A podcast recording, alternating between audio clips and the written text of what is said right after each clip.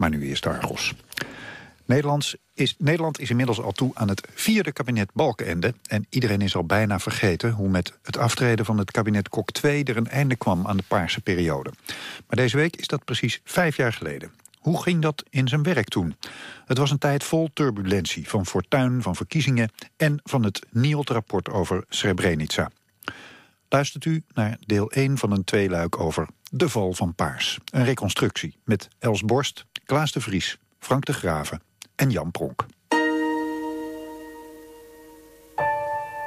Dames en heren, ten minste 7.500 vermiste moslims.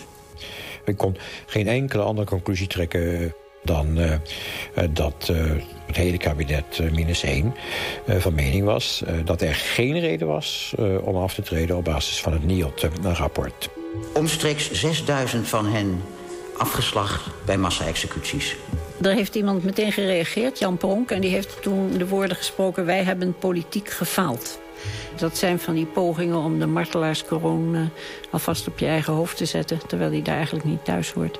Wat ik me herinner is dat toen wel opviel dat geciteerd werd uit geheime ministerraadsnotulen. En ik kan niet ontkennen dat er uh, mensen waren die dachten dat Jan Pronk daar iets mee te maken had. Dames en heren, een uh, verklaring zoals ik heb gezegd. Er is maar één manier voor een minister om duidelijk te maken aan ambtenaren... dat het bewust achterhouden van informatie, dat dat onaanvaardbaar is... en dat is het nemen van de ultieme politieke verantwoordelijkheid om het terug af te trekken. Ik ben tot de slotsom gekomen dat de ernst van de bevindingen van het NIOD niet zonder politieke consequenties mogen blijven. Het is de trieste balans van de gebeurtenissen die in juli 1995 volgden op de verovering van Srebrenica. Derhalve heb ik na zorgvuldige afwegingen besloten mijn ontslag aan te bieden. Wim Kok op 16 april 2002. Het is deze week precies vijf jaar geleden dat het tweede Paarse kabinet... onder leiding van PvdA-premier Kok opstapte... vanwege het NIOT-rapport over de val van Srebrenica. Het NIOT, het Nederlandse Instituut voor Oorlogsdocumentatie... had zes dagen daarvoor de resultaten van zijn grote Srebrenica-onderzoek gepresenteerd. Argos maakt in twee afleveringen een uitgebreide reconstructie van de val van de regering Kok. We doen dat aan de hand van gesprekken met vier ministers uit dit kabinet. D66-vicepremier Els Borst, VVD-minister van Defensie Frank de Graven... PvdA-minister Klaas de Vries, vertrouweling van Wim Kok binnen de ministersploeg... en PvdA-minister Jan Pronk. Terugkijkend hebben we gefaald. Jan Pronk in een televisieinterview. Twee weken voor de presentatie van het NIOT-rapport. Dit publieke oordeel van Pronk over de rol van Nederland... in het Srebrenica-drama stak de lont in het kruidvat. Waarom sprak Pronk voor zijn beurt? Hoe is de inhoud van het NIOT-rapport binnen het kabinet besproken? En gaf oneenigheid over dat rapport de doorslag? Waar ik een NIOT onheldering vond... is het door elkaar lopen van feiten en eigen oordelen. Ook Frank de Graven sprak voor zijn beurt. Daarover en over de kritiek op het NIOT-onderzoek gaat het woensdag in deel 2. Vandaag, in deel 1, concentreren we ons op de vraag... was de epiloog van Paars een titanenstrijd tussen Wim Kok en Jan Pronk? Argos over de aftakeling van Paars. Falen versus verantwoordelijkheid... en bewindslieden die uit de school klappen over geheime beraadslagingen in de ministerraad.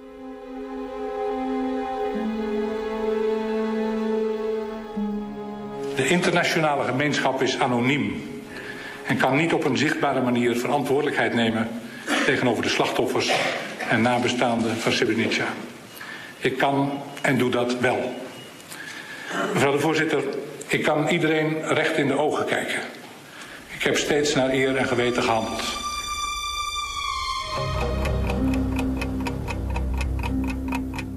Woensdag 27 maart 2002.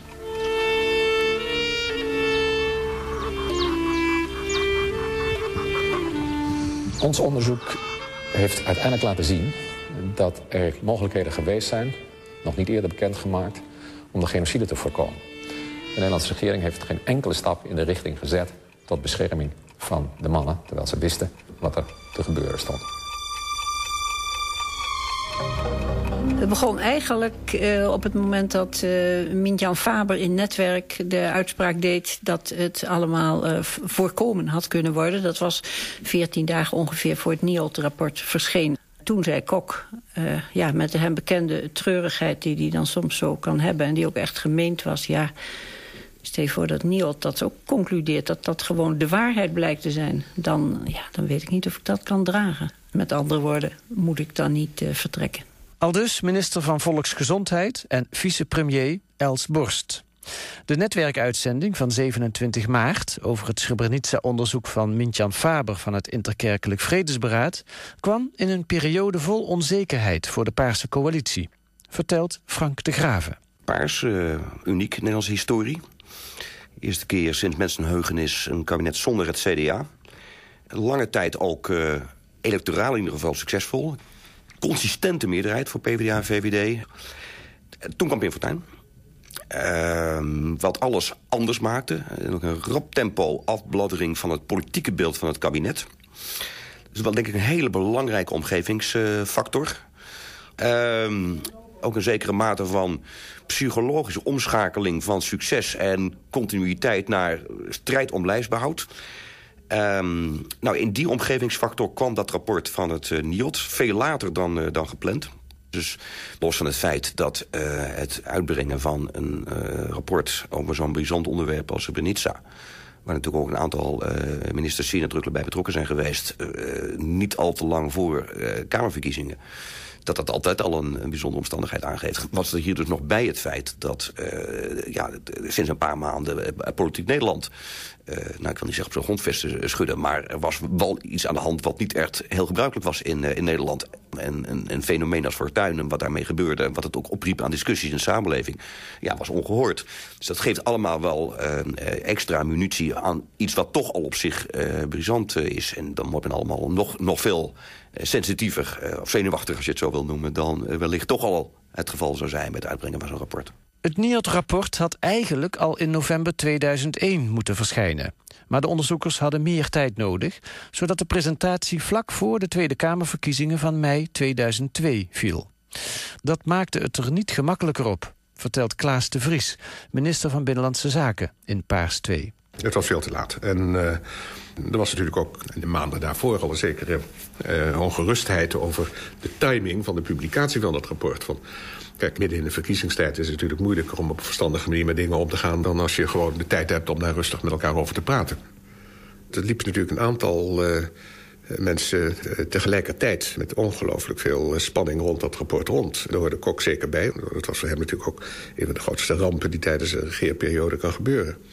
En dus zeker Kok, Pronk ongetwijfeld ook... buitengewoon betrokken bij die zaak. Nou, die waren natuurlijk buitengewoon benieuwd naar die uitkomst. Kok en Pronk waren in het Tweede Paarse kabinet de enige bewindslieden die in alle cruciale fases van het Srebrenica-drama minister waren.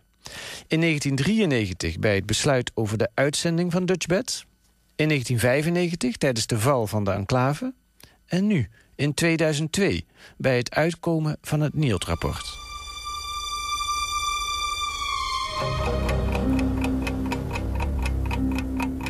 Donderdag 28 maart 2002. Terugkijkend hebben we gefaald. Wie bedoelt u met we? Ik, uh, politiek. Ik, ik zal niet zeggen dat de militairen gefaald hebben. Minister Jan Pronk in de tv-rubriek Nova. Het interview werd uitgezonden één dag na de netwerkuitzending... die bij premier Wim Kok zo hard was aangekomen. De uitzending over het Srebrenica-onderzoek van Mintjan Faber.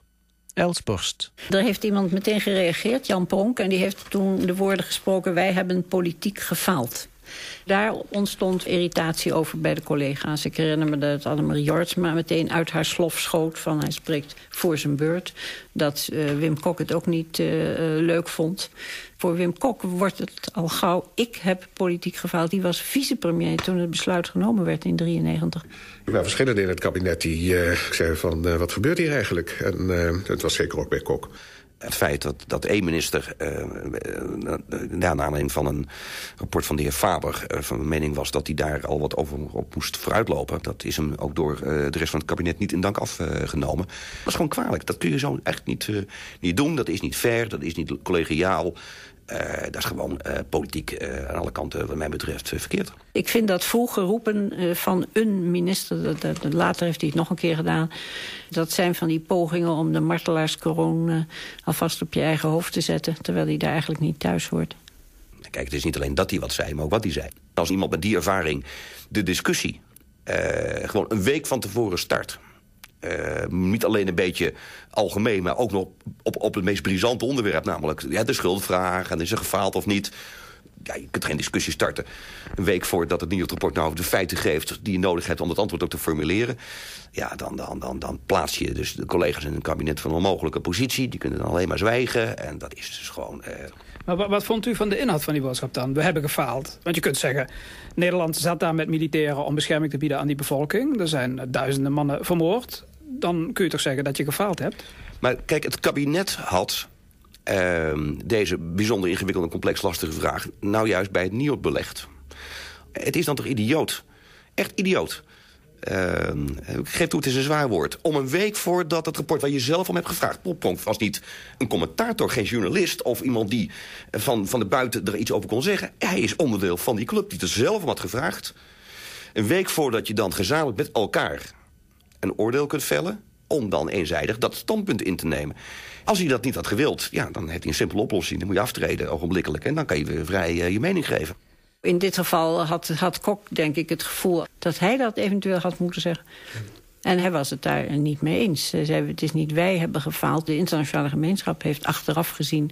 toch uh, het niet goed ingeschat en een verkeerd besluit genomen. Nu staat uh, Wim Kok ook bekend als iemand die heel graag ook het regie in handen heeft. Hè? Dat zal hij vast om die reden ook niet leuk gevonden hebben. Ja, dus daar kan hij slecht tegen. Hij vindt dat het aan de minister-president in de eerste plaats is... na kabinetsberaad. En in dit geval kwam er iets persoonlijks bij... namelijk dat hij zich als vicepremier in dat Lubbers-kabinet... nog extra verantwoordelijk voelde. En natuurlijk premier ten tijde van de val van Srebrenica, ja. Kok. Volgens Jan Pronk berustte alle commotie op een misverstand. Zijn interview met Twan Huis van Nova was eigenlijk gemaakt om veel later uitgezonden te worden... en was zeker geen reactie op het rapport van Mintjan Faber van het IKV. Bij de val van uh, Srebrenica was ik direct naar uh, Bosnië afgereisd vanuit Den Haag. Van Huis was daar ook. Uh, hij heeft me daar ook toen uh, geïnterviewd. En ik heb toen ook voor het eerst het woord genocide gebruikt... in een uh, televisieuitzending die hij maakte. Nou, jaren later zei hij, laten we eens een keer terugkijken op onze gezamenlijke belevenissen al daar. Toen heb ik met hem een gesprek gehad in New York... waar hij toen inmiddels correspondent was geworden... en waar ik een vergadering had van de Verenigde Naties. De dag daarna en dat was een totale verrassing voor mij. Ik wist dat helemaal niet. Er kwam er een uh, publicatie van het Interkerkelijke Vredesberaad... onder leiding van uh, Mintjan Faber. Waarin uh, veel kritiek werd uitgeoefend op het Nederlandse optreden... in en rond Srebrenica. Maar, maar dat was dat een samenloop van omstandigheden... die ja, mijn collega in het kabinet tot de veronderstelling bracht... dat het een soort voorgekookte operatie was. En dat was helemaal niet zo. Dus u zegt het feit dat het IKV, dat Mintjan Faber... met een eigen rapport zou komen. Dat wist u niet? Nee, dat klopt. Dat wist ik totaal niet. Ik had geen contact met Mintja Faber daarover uh, gehad. Ik was daar niet van op de, de, hoogte. Ik ken hem al van het einde van de jaren zestig... Uh, toen allebei uh, actief waren rond het interkerkelijke vredesberaad. Maar ik wist helemaal niet af van dit rapport. In dat rapport van Faber kwam een heel bijzondere passage voor. Daarin werd geciteerd uit de geheime notulen van de ministerraad... die op 11 juli 1995 in Den Haag in spoedvergadering bijeen was gekomen... toen in Bosnië Srebrenica door de Bosnisch-Servische troepen van Mladic onder de voet werd gelopen. Dat citeren uit die geheime kabinetsnotulen door Faber... veroorzaakte nog meer opschudding. Klaas de Vries. Wat ik me herinner is dat toen wel opviel... dat inderdaad in dat eh, boek van eh, Faber... Uh, geciteerd werd uit geheime ministerraadsnotulen.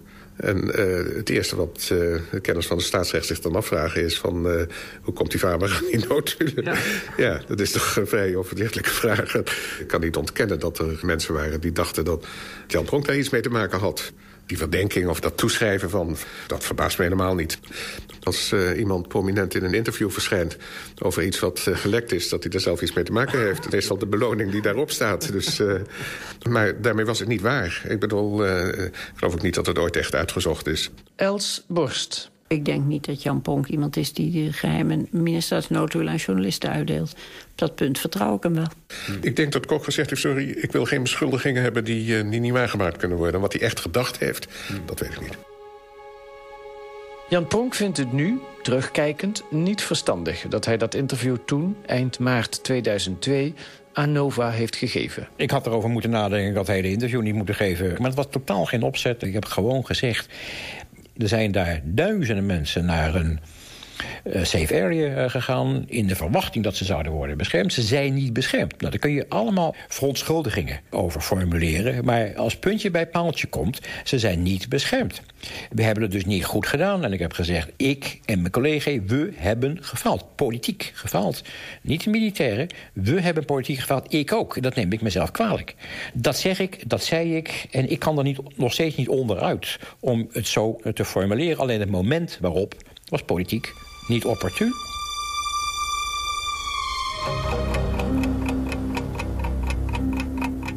Zaterdag, 6 april 2002. Kijk, als hij vindt dat hij de verantwoording niet langer kan dragen... kan hij morgen aftreden, of vandaag. Dat is zijn zaak. De vraag is of ik dat vervolgens op mijzelf moet vertalen. Jan Pronk spoedt zich, als hij die zaterdag terugkeert uit het buitenland... naar een boze Wim Kok. Dat vertelt hij bladerend in een dik aantekeningenschrift. Het boekje erbij. Ja. U heeft uh, aantekeningen uit die tijd allemaal opgeschreven? Ja, maar ik heb aantekeningen van alle vergaderingen vanaf uh, begin van de jaren 70. Dus dat zijn uh, duizenden bladzijden. Dus ik hoorde hoe verkeerd dat was gevallen. En op de 6e april heb ik een gesprek gehad met Kok van anderhalf uur. Die kijkt door even nog mijn aantekeningen door. Uh, mijn conclusie was een vriendelijke sfeer. Kok zegt tegen mij in dat gesprek dat hij uh, met name geraakt is... door het feit dat ik het woord falen heb gebruikt. Dat ligt voor de hand. Ik uh, overhandig hem mijn, zeg maar mijn ontslagbrief... waarin staat, en ik heb hier het citaat liggen... ik heb spijt dat ik de impact van mijn woorden niet heb onderkend. Dat is een fout, een politieke fout. En dan zeg ik in die brief, dat spijt me. Ik ben bereid dat te herstellen door mijn portefeuille ter beschikking te stellen. Nou, dat wilde hij niet. Hij verscheurde zelfs de brief die ik hem uh, overhandigde. Nou, toen hebben we afgesproken dat ik dit hele verhaal... Uh, hoe het zo was gelopen... Hè, aan de leden van het kabinet op papier zou zetten... zodat ze die argumentatie zouden hebben voorafgaande aan de kabinetsvergadering... die zou plaatsvinden de vrijdag daarop. Die brief heb ik geschreven, maar uiteindelijk heeft de premier uh, gezegd dat het beter was... dat die brief uh, niet bij de collega's zou terechtkomen. dat was zijn beslissing en die heb ik toen gerespecteerd. Maar het plaatste mij natuurlijk wel nog steeds in dezelfde situatie... als daaraan voorafgaan. Namelijk dat mijn collega's dachten dat er een soort van opzetje was. En dat was niet het geval en ik had die lucht niet kunnen doen opklaren in hun richting. Waarom wilde Kok niet dat u die brief dan zou geven aan de collega's? Uh, en dat heeft hij niet uh, aan mij uiteengezet. Ja, hij vond het beter van niet.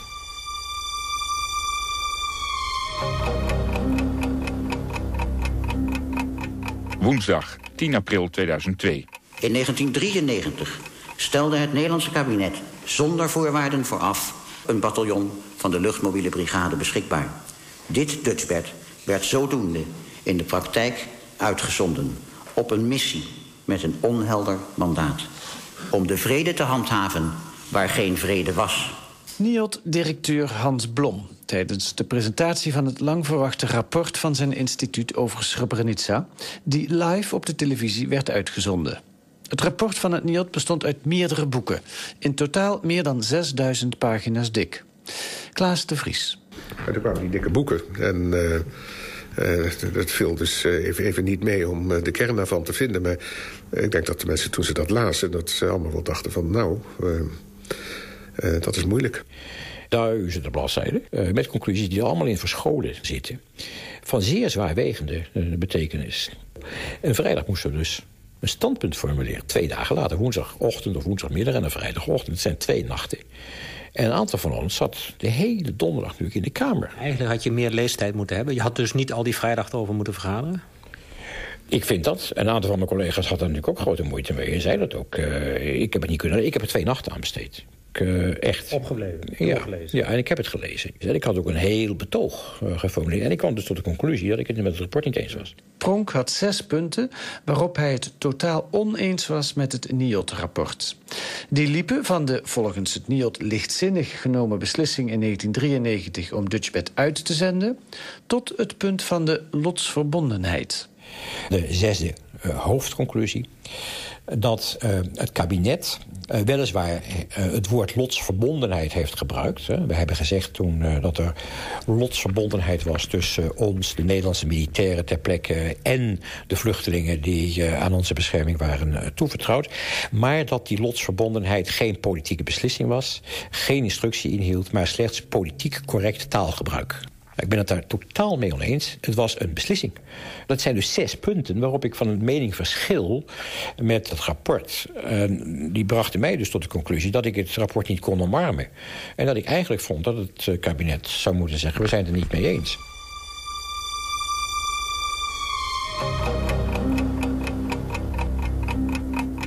Vrijdag 12 april 2002. Waarom geeft u in vredesnaam antwoord aan mij, zeggen dan journalisten. U spreekt voor uw beurt. Het is nooit goed. Maar mag ik u vragen waarom u vandaag zo boos bent, meneer Pronk? Want u maakt dit al twintig jaar mee. Ja, exact. Met u en met uw collega's. Dus ik weet niet meer wat ik en moet wat doen. is de reden waarom u nu zo verschrikkelijk boos bent? Antwoord geven of geen antwoord geven, het is nooit goed. En daarom weet ik het dus verder niet, dan ga ik nu vergaderen. Een gespannen en boze Jan Pronk op weg naar de ministerraad. Een cruciale vergadering waarin het kabinet, twee dagen na de presentatie van het NIOD-rapport... een standpunt moet formuleren over de conclusies van de onderzoekers. Conclusies waarop Pronk dus veel kritiek heeft. Klaas de Vries. Toen bleek dat uh, Pronk conclusies had die niet in het NIOD stonden. Toen dacht ik, nou, als je dat allemaal vindt... dan zijn die conclusies van jou wel zodanig... dat je daar ook eerder consequenties aan had kunnen verbinden. Uh, wat voor consequenties dan, bedoelt u? Nou, ik vond het uh, allemaal zo verschrikkelijk. Dan geloof ik dat hij uh, meende dat het direct afgetreden moest worden. en u bedoelt, dat had hij dan ook eerder kunnen doen? Ja, ik geloof dat ik dat dacht, ja. Er is niet uitgebreid meer over die kritiekpunten gesproken? Nee, ik geloof niet dat er veel behoefte was om nog wat toe te voegen aan wat het NIOD had uitgevonden. Nee. Jan Pronk. Ik moet zeggen dat ik ook niet al mijn punten heb kunnen inbrengen. Omdat er nog steeds een redelijk uh, onprettige sfeer heerste... naar aanleiding van um, dat interview wat ik had gegeven aan Van Huis. Uh, en ik was dus niet in de gelegenheid geweest uh, om die zaak op te klaren. Werd u afgekapt op een gegeven moment? Ja, ik heb, ik heb onvoldoende gelegenheid gekregen. Uh, dat doet er verder ook niet zo gek voor toe. Ik heb geen behoefte om te spreken vanuit uh, een, een kabinetsvergadering. Maar ik heb onvoldoende gelegenheid gehad om, om mijn totale redenering uiteen te zetten. Um, ik kan toch niet zeggen als lid van het kabinet... dat als een paar wetenschappelijke onderzoekers zeggen... dat alles valt te billijken, dat daardoor alles valt te billijken. ik vind dat je een politieke verantwoordelijkheid hebt. Je kunt je toch niet gaan verschuilen... Uh, achter een historisch onderzoek. Frank de Graven. Er is natuurlijk over dat NIOD-rapport vervolgens uitvoerig in het kabinet gesproken. Die vrijdag nadat het uitgekomen is. Er is uren en uren en uren over gesproken. Nou zegt Pronk, hij was het op een aantal punten niet eens met conclusies van het NIOD. En hij zegt, ik kreeg niet de mogelijkheid om die discussie aan te gaan in het kabinet. Nou ja, um, Kijk, laat ik hem maar gewoon houden bij het uiteindelijke uitkomst. En volgens mij heeft de minister-president een, een reactie gegeven namens het kabinet. Mijn vraag is of hij wel die mogelijkheid heeft gehad. Uh, luister, mijn antwoord daarop is... ik heb geen vrijheid uit de, uit de van de ministerraad te, te, te, te kletsen. Dat doe ik ook niet. Zeker niet als het om anderen gaat. Dan moeten anderen dat zelf maar doen. Mijn enige opmerking is dat iedere minister de gelegenheid heeft om... als er conclusies worden getrokken... Uh, om uh, bij conclusies kanttekeningen te maken. En volgens heeft hij ook nog het recht om uh, dat naar buiten te laten opnemen in een reactie. Dat heeft hij niet gedaan. Uh, ja, daar moet hij ook daar de verantwoordelijkheid voor, voor nemen. Uiteindelijk zijn de conclusies van het kabinet namens het kabinet geformuleerd. Ik kon geen enkele andere conclusie trekken vrijdag na die cruciale vergadering van de ministerraad... dan uh, dat uh, het hele kabinet minus één van mening was... dat er geen reden was om af te treden op basis van het NIOT-rapport. Er zijn nachten geweest dat ik er niet van kan slapen. En dat heeft iets anders dan de schuldvraag alleen. Maar ook de verantwoordelijkheidsvraag. En de vraag hoe ga je daarmee om. En ook dat is een onderdeel wat op de weegschaal ligt in de komende dagen. Dat klinkt wat zakelijk. Maar het is uiteindelijk heel menselijk, ook heel emotioneel. En dat komt volgende week uh, dus in het kabinet tot een afronding. En vervolgens ook nog weer in bespreking in de Kamer. Premier Wim Kok op die 12 april 2002, na het kabinetsberaad. Alles ligt dan nog open. En de beslissing die het kabinet zal nemen... naar aanleiding van de conclusies van het NIOD... zal zeker niet eerder vallen dan de vrijdag daarna... tijdens de volgende ministerraadsvergadering. Althans, zo lijkt het. Want vier dagen later valt Paars 2. Wat is er in die tussenliggende dagen gebeurd? Dat vraagt ook Jan Pronk zich af. Er is dus wat gebeurd tussen vrijdag en, en dinsdag. Uh, daar was ik niet bij betrokken. Uh, ik weet dus niet wat er gebeurd is sinds uh, die kabinetsvergadering. Het antwoord krijgt u in deel 2 van dit tweeluik. Dat aanstaande woensdag tussen 10 uur en half 11 op deze zender wordt uitgezonden. Sinds het verschijnen van het NIOD-rapport heb ik vooral een psychologisch proces gezien bij Wim Kok. Ja, ik zou bijna zeggen, zag er met de dag slechter uit. En je zag gewoon, deze man is op weg naar de uitgang.